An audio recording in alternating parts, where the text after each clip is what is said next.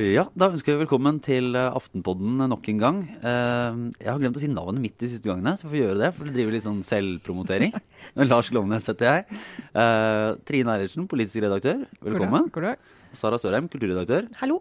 Her, nå er jeg til og med, bare for å fortsette å snakke litt med meg selv, nå er jeg tilbake på det journalistiske gulvet i forbindelse med landsmøtesesongen. Ja. Uh, og skriver om det som skjer i, i norsk politikk. Så det er, det er litt sånn deilig å være nedpå. Dessverre så er det en uke med vinterferie, eller møtefri uke, da, hvis man skal bruke det formelt riktige uttrykket på Stortinget. Ja, det er en meningsløs uke, egentlig. Så det er jo ingen politikere å snakke med. Nei. Men uh, det skjer litt uh, ting likevel. Så vi skal snakke litt om uh, Nasjonal transportplan. Der velta kiosken. Da, nå, nå det er Bedre innsalg enn det.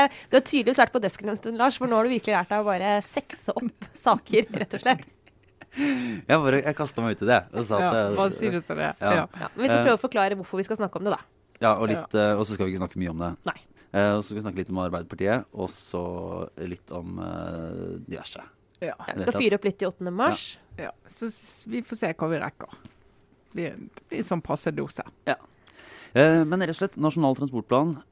regjeringen og samarbeidspartiene har brukt denne uka til å løpe rundt i diverse strøk for å fortelle hvor mange millioner og milliarder de skal bruke på infrastruktur.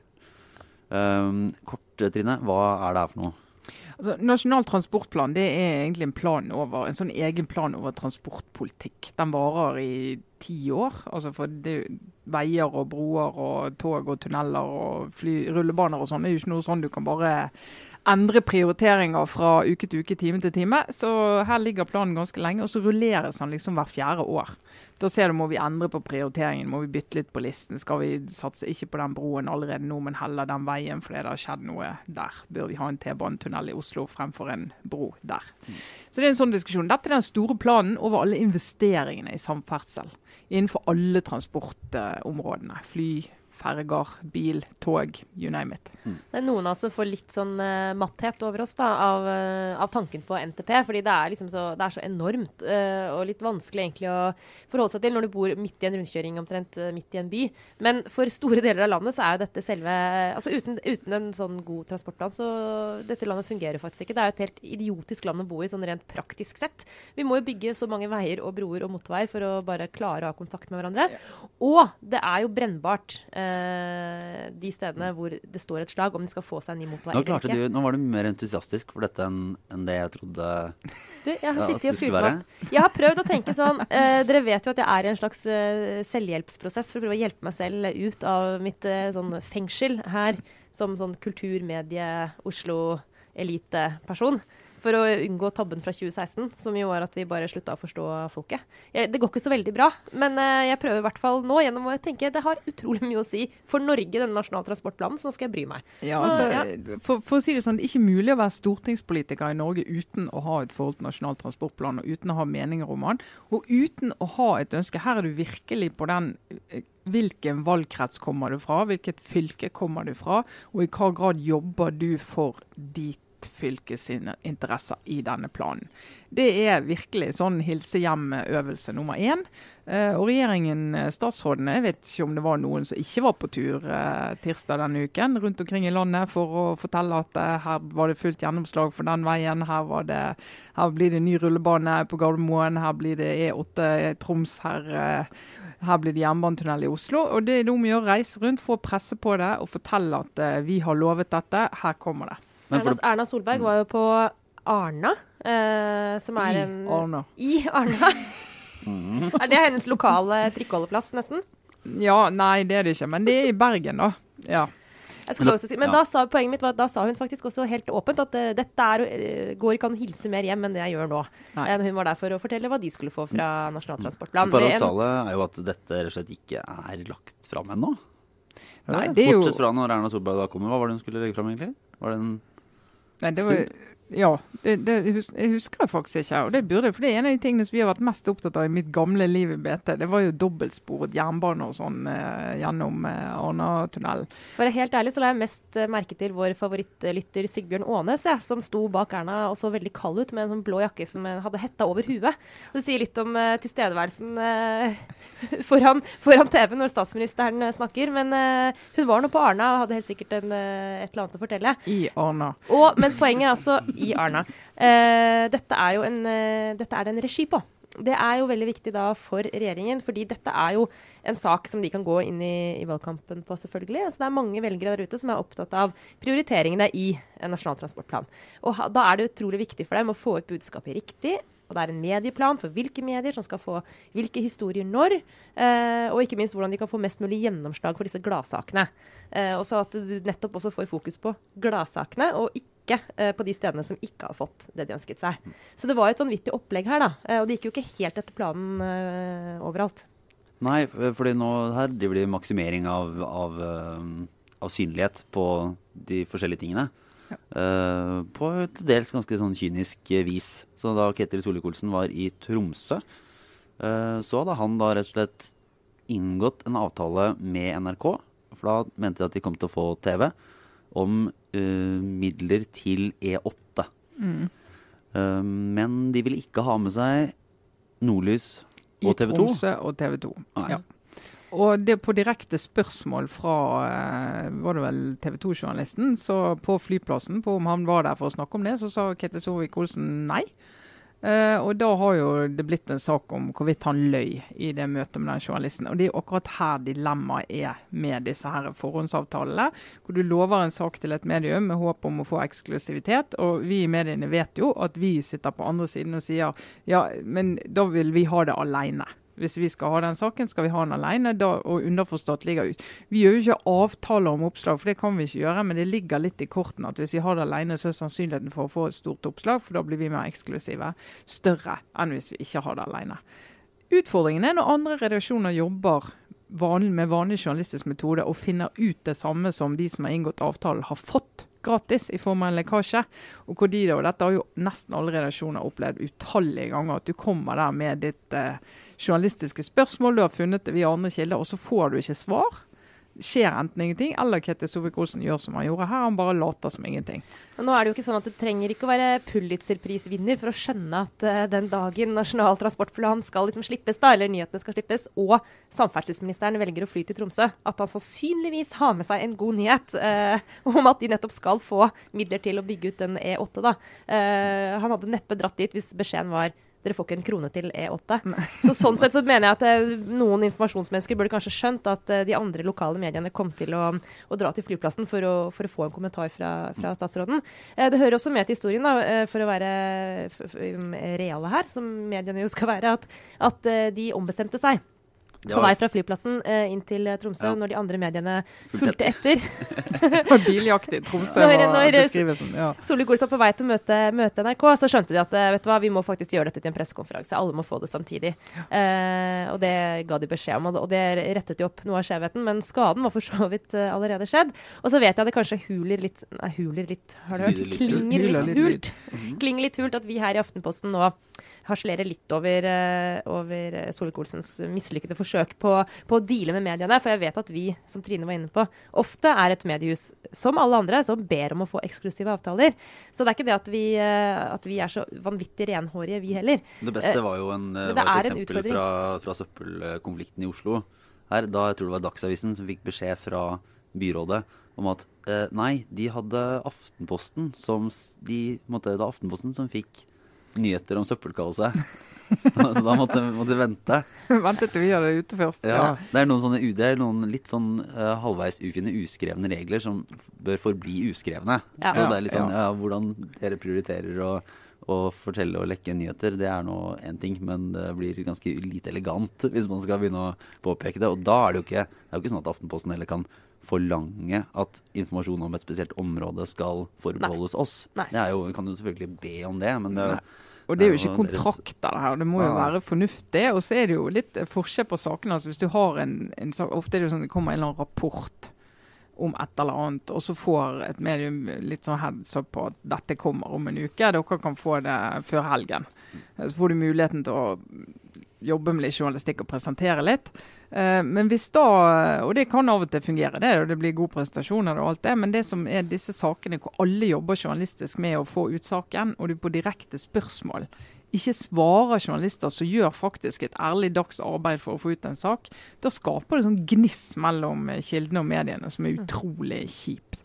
Og helt, sånn, helt, til slutt på det, så tror jeg uansett da, Dette her er et sånt spill som uh, går fram og tilbake. Vi kjemper om å få saker, vi kjemper mot våre egne konkurrenter, og vi kjemper for å få ut informasjon fra bl.a. departementer som prøver å, å, styre det selv. ikke sant? Og Sånn må det nesten være. Men vi har alt å vinne på å være helt åpne om de prosessene. Vi, å fortelle leserne våre hvordan blir nyheter til, det, det, det tror jeg vi skal gjøre enda mer av enn, en vi har hatt tradisjon for. Vi har ingenting å tape på det, og det gjør leserne og brukerne våre litt mer i stand til å forstå hvorfor saker blir som de blir. da. Og det bare bra. Jeg, jeg vet, det er to ting her, egentlig. Det ene er at jeg bryr meg så sinnssykt lite om Nasjonal transportplan og samferdselspolitikk. så for min del så kan de bare ja, lekke det hvor dere vil. Jeg følger med til slutt, og så ser jeg om det er noe interessant. Det driter jeg så langt i. Og det vi gjorde nå, da, er jo en klassisk øvelse som uh, jeg tror vi er skyldige i, ofte vi mediefolk, om det så er uh, i offentligheten eller på bar, at vi begynner å snakke om noe som vi egentlig syns er kjedelig. Så istedenfor å fortsette å snakke om det, så bare glir vi over til å snakke om oss selv. Ja. Og gikk da sømløst fra Nasjonal transportplan til hvordan takler vi i mediene dette, og hvordan syns vi at vi løser denne jobben. Så vi får bare unnskylde til våre lyttere, men håper dere er litt interessert i, i hva vi driver med, da. Ja, fordi, ikke så ligger vi tynt an. Nei, for samferdselspolitikk er for meg kjedelige greier. Altså, det er bare, det er sånn men du er jo fra landet, så du er jo opptatt av veiene fra Bø til Oslo. Ja, for eksempel. Men, men, du men har bare reist den veien én gang, og det var bort fra Bø. Trenger ikke den veien mer nå. Nei, den er, det, er bare, det er litt sånn som forsvarspolitikk og, og til dels også utenrikspolitikk i Norge. Det er så Nei ja, alle er stort sett enige. Det blir sånn lokaliseringsdebatter. Det er kjedelige greier. Det jeg er opptatt av, som har, som har stått fram som som et veldig sånn uh, politisk korrekt uh, Ja, du kom menneske. ut av skapet, ut av skapet forrige sist. sending du, Lars. Ja, ja. ja. Uh, nei, så jeg liker mye mer den der nære, nære identitetspolitikken. Så det temaet som jeg nå har fått inn i ukens sending, eh, følger jo ikke da viktighetskriteriet, egentlig vesentlighetskriteriet i det hele tatt. Men jeg bare, jeg syns det var så festlig å se hvordan Arbeiderpartiet fikk seg en skikkelig sånn burn på, denne, på kjønnsbalansen blant fylkeslederne. Fordi Arbeiderpartiet har jo lang historikk som et eh, likestillingsparti og har stått veldig på barrikadene for det. Og ikke minst har slått seg selv veldig på brystet for å være være opptatt av likestilling og stå på dette. Og klage på høyresida som, som ikke får det til, og, og, reversering av alt mulig rart. Og har stått for, eh, bare for å skyte inn det, altså Gro Harlem Brundtlands første regjering.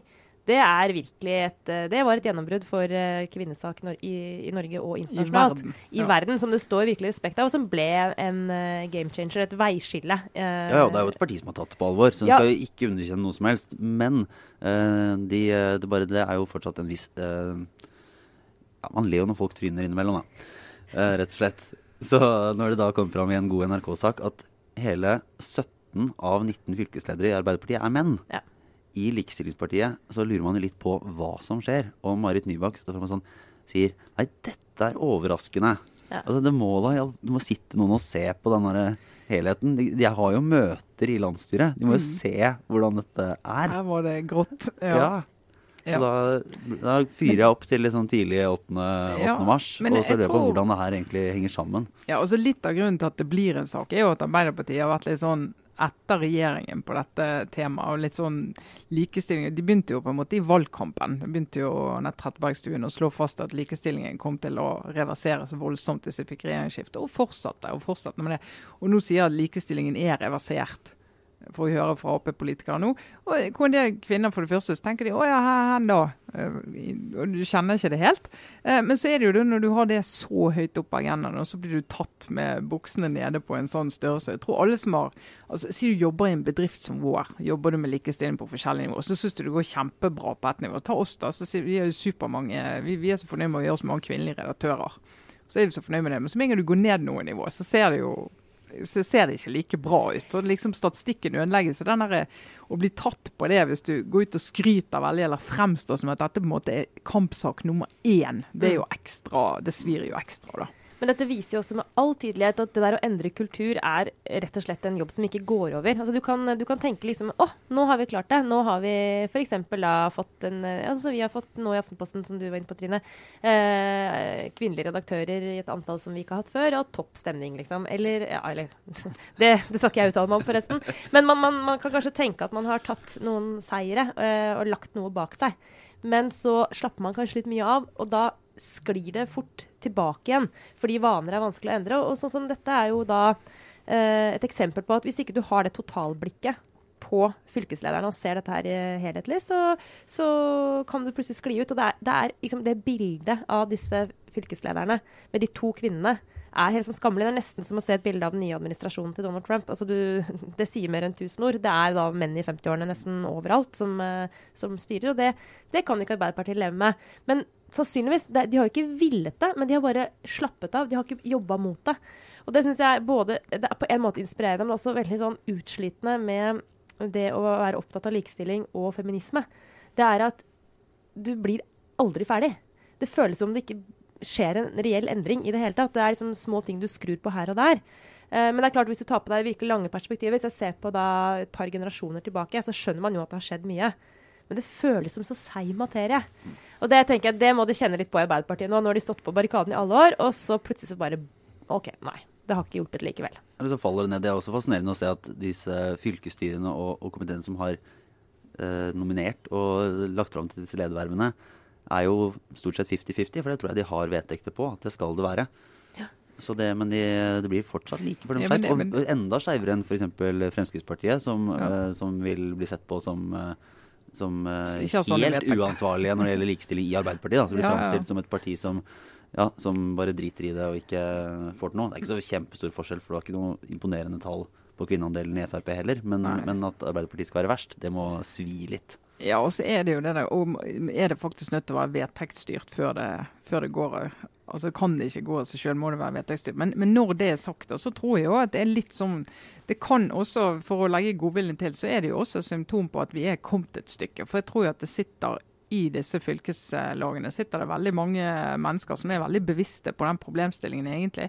Og jeg tror mange av de opplever, i hvert fall i den settingen, at de er kommet så langt og at de kan ha en genuin diskusjon om eh, kompetanse og profil og alt det. Så når de velger sin mann, så er de, de er helt sikre på at det skjer med utgangspunkt i ganske objektive kriterier, og at de ikke har sånne kjønnsbriller på seg. Også, men i sum blir resultatet feil. Og det, det tror jeg det, det, er ikke uvanlig. og Jeg tror det er mange som sitter og kan føle på en veldig sånn urettferdighet når du får kritikk for at du ikke er god nok på likestilling. Så får du lyst til å forsvare det og si ja men, ja, men det er jo ingen som vil, og de sier nei, og de, de, de vil bare ha posisjon under. og alle vet jo det, kvinner må knegås mye mye mer enn menn for å ta på seg en del ansvarlig posisjon. Mm. Uh, og det, Der er vi jo ikke kommet lenger. Og det handler jo ikke bare om menn og det synet, handler også om kvinner, for all del. Men det er jo, ja. Vi, vi går, vel, uh, går, vel, egentlig videre. Vi har en litt sånn uh, kjappere sending. Vi snakka altså nøye gjennom reformen i forrige uke. Ja.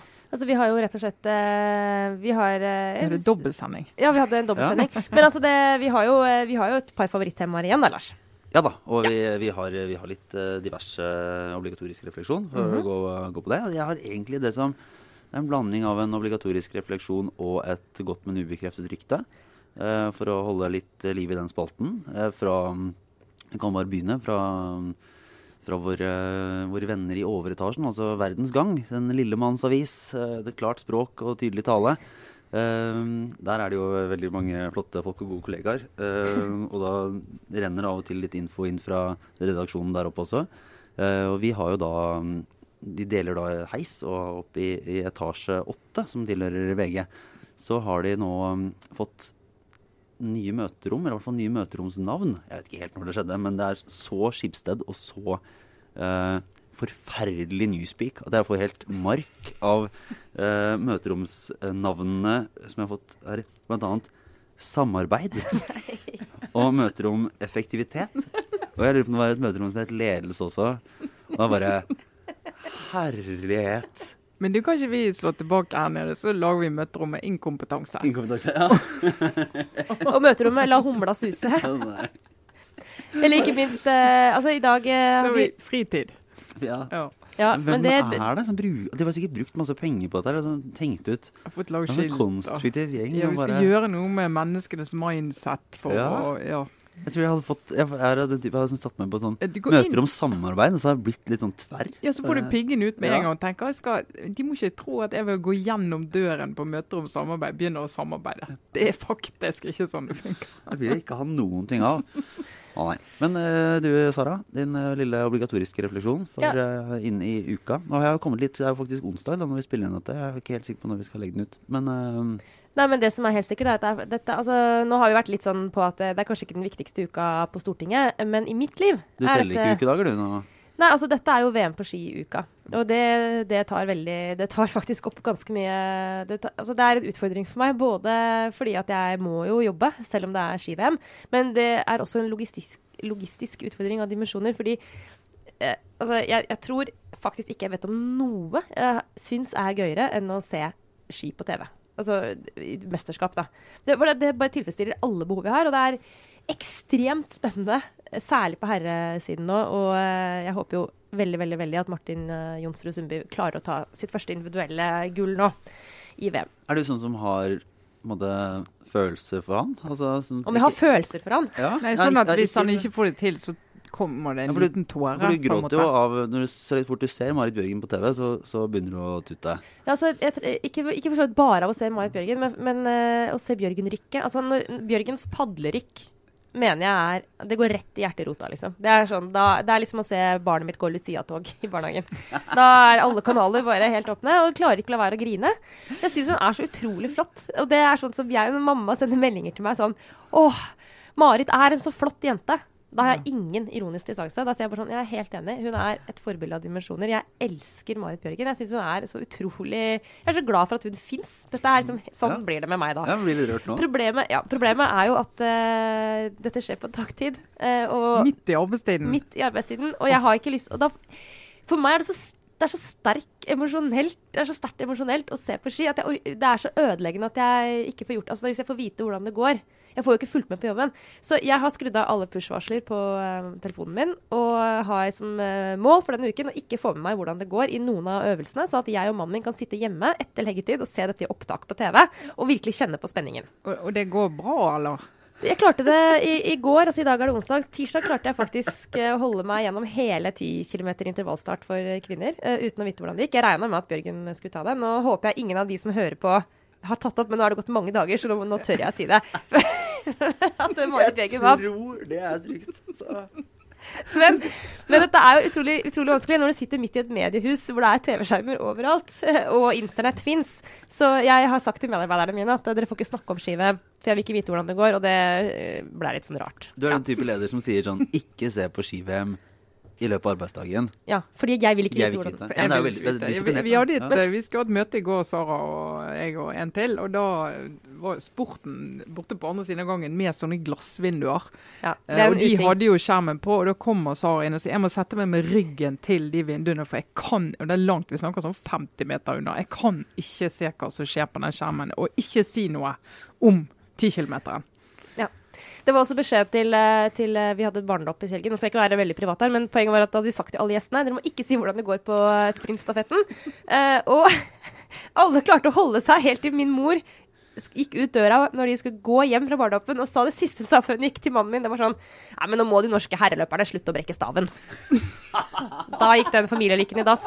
Men jeg har en refleksjon, da. Eh, jeg- også. Kan jeg, ja, ja. det, var, det var en ting til, for jeg måtte bare høre svaret på Martin Jonsrud Sundby. Fordi han er jo ja. en veldig imponerende skiløper, men jeg syns ikke han har klart å fange den eh, en kul fyr, skapt, liksom. en, eh, skapt den eh, følelsesmessig Likeable type. Ok, dette er interessant. Det kunne jeg ikke bry meg mindre om. Altså det, det er det jeg mener folk som ikke virkelig er opptatt av idrett. De er som opptatt av er dette ålreite mennesker. Det, vet det er helt uvesentlig for meg. Jeg bryr meg ikke om eh, Marit Bjørgen privat heller. Det eneste jeg bryr meg om, er er dette en imponerende skiløper. Og da er svaret utvilsomt ja. Altså Han er et en fantastisk skiløper. Uh, jeg er så imponert. Legg merke til hvordan han holder ryggen sin når han skøyter, f.eks. Han rører ikke en millimeter fram og tilbake til siden. Sånne ting. Herregud, unnskyld meg, jeg har snakket altfor mye om ski. Men, men ja, jeg har følelser for Martin Jonsrud Sundby. Ja. Jeg håper virkelig han vinner, eh, fordi han er en så god skiløper. Samme for meg åssen han menneske han er. Eh, men når det er sagt, da, eh, en, en, refleksjon eh, Det har noe med, med um, noe større å gjøre altså, enn bare ski. Det er at eh, jeg kjemper så med meg selv eh, når det gjelder om jeg skal være progressiv eller verdikonservativ i møte med utviklingen i langrennssporten. Eh, og for å, å runde av skibiten her på Aftenpodden, da, så mener jeg at du kan liksom dele mennesker i to. Hvis du er for å verne skisporten mot all utvikling, så er du jo selvfølgelig verdikonservativ. Uh, er, Nordmenn generelt er jo der. Ja. Så jeg er f.eks. Eh, veldig for å beholde intervallstart. På den annen side, eh, hvis du liksom ikke kan se at eh, skisporten må utvikle seg for å, for å helt tatt være interessant Altså Du må være litt progressiv her. Du kan ikke bare se bakover. Så du må på en måte kanskje omfavne eh, sprintstafett. da. Så det prøver jeg å gjøre. Og jeg er i en veldig indre diskusjon med meg selv. Eh, lander som vanlig midt på, tror jeg. Litt sånn blanding av konservativ og progressiv. Der hvor eh, man mm. stort sett havner. Men, eh, men, men hvis man ikke klarer å se fordelen ved at skisporten utvikler seg, ja, da har man stivna. Så er det jeg jobber med nå. Jeg prøver å, prøver å ta inn over meg de nye øvelsene og si at jeg kan synes det er gøy å se fellesstart, f.eks. Det er et stort skritt for, for meg. Ja, jeg, jeg, er sånn der, tror jeg er ganske progressiv. Jeg, jeg, skjønner ikke at de har sånne nå Har det ikke grenser på hvor lange staver du kan ha? Jo. Det er, det er bare tull. Ja, jeg er faktisk finn, enig. Finn, altså, så lang, Bruk så lang stav du vil. Det kan, og sånn, var det ikke en eller amerikaner som brukte én stav? Jeg tror ikke det var så veldig effektivt, men, men det her må du bare kjøre på. Så lenge du ikke doper deg, så kan du gå på den måten du vil i fristil. Og hvis du vil ha to meter lange staver fordi du har superlange armer og dermed får et eller annet fortrinn, så er det bare det er en positiv uh, utvikling. Ja, altså. Og hvis uh, klassisk stil dør ut, så er det greit. Ja. Ja. Men, men, det må jeg bare sånn, eh, for å ta et lite glimt fra fortiden. Jeg husker jo da klassisk da skøytingen kom. Uh, og de uh, gikk sam... Altså skøyting og klassisk Nei, ja, skøyting og klassisk gikk i, samtidig. Eh, og disse skøytene skulle gå forbi de som gikk klassisk. Det var liksom før du hadde delt opp i to øvelser. Og Det var utrolig absurd å se på. Og det var så mye sure miner og så mye krangling helt til de delte disse to. Eh. Men de klippene på TV, når du ser de der som stabber av gårde litt sånn klassisk, og så kommer de her skøytene forbi, og du ser omtrent de stikker staven inn mellom skiene på det er legendarisk. Men dette er klassisk paradigmeskifte, Trine. Det er akkurat som vi står oppi nå, med papiraviser og internett. Eh, det er veldig kaos akkurat nå. E-avisen på nettet er jo en sånn merkelig hybrid, og så kommer det til å gå over i vi driver altså går parallelt og snubler og stikker staver og bare Ja. ja. Men uh, ja, det var fint litt. Det, det, det veldig likte, flott uh, refleksjon, Sara. Ja, jeg syns det. det var veldig, veldig, veldig bra. Dette, det her engasjementet til Sara Sørheim ligger hvis noen lurer ja, på det. Ja. Hva du da, Trine? Nei, altså jeg vil uh, snakke om dette, dette, Vi har vært innom temaet før, og så har vi sagt at nå må vi slutte å snakke om fake news. Fordi at fake news er det egentlig tømt begrepet er tømt for innhold, fordi det brukes som alt mulig. Uh, og Donald Trump ikke minst uh, på mange måter opphavsmannen til dette. Måten han bruker det på. Hver gang han ser en sak han ikke liker, så er det stempelet det får. Det snakker vi liksom om å være misfornøyd med. og så tror vi på en måte at når vi sier at dette begrepet er tømt for innhold, så er man ingen bruker, at da hører folk på oss. De Men gjør ikke det. Nei. De gjør ikke det, Lars. De hører ikke etter. Ta noen ferske eksempler fra både de siste par-tre dagene. I Aftenposten hadde en uh, sak på søndag om uh, Europarådet og en del uh, måten europeiske parlamentarikere jobber med menneskerettigheter og diverse. I hvert fall Der var det en sånn sak som Torbjørn Jagland ble, fikk litt kritikk i. han fikk også snakke selv, men det var litt sånn. Og han har vært liksom, Vi har hatt en diskusjon med han om, om den saken. Men da inne på, på Facebook, på en åpen profil, så, så, skriver han da for å fortelle om hvor ille han syns dette er. At I resten av verden der er nå mediene begynt å ta fake news alvorlig, men det har de altså åpenbart ikke kommet til Norge. Så altså, Sjefen i Europarådet han mener at uh, norske medier at vi driver med fake news, og det syns jeg er tankevekkende, for å si det diplomatisk.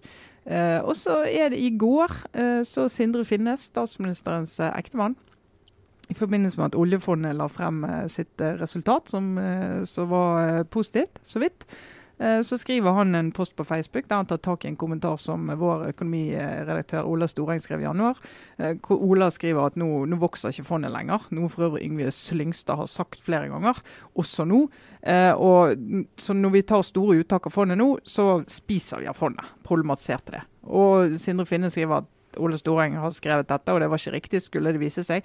Er dette en dårlig analyse, eller er det et eksempel på fake news om oljefondet? Ja. Uh, og det er litt sånn så, Som om Aftenposten bedriver fake news-produksjon om oljefondet. Og da, definisjon, og da er, altså Hva er fake news?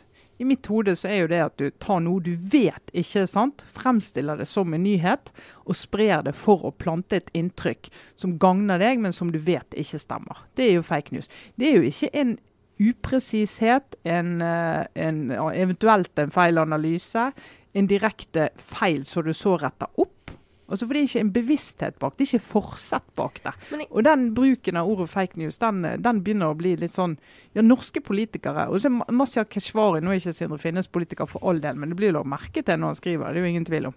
Masya Keshvari òg, som eh, er også leder i Oslo Frp eh, og velter seg rundt i det begrepet om stort og smått. Og det, da var det bare å ta en ting, for da var det jo selvfølgelig det var sånn avis, dårlig eh, timing, da.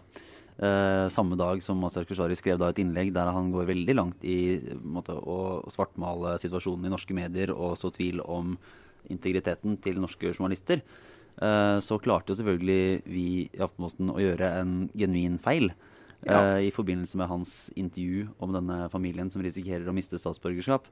Der eh, han hadde skrevet en eh, mail med sine svar på noen spørsmål og gjort det klart i toppen at dette var på generelt grunnlag.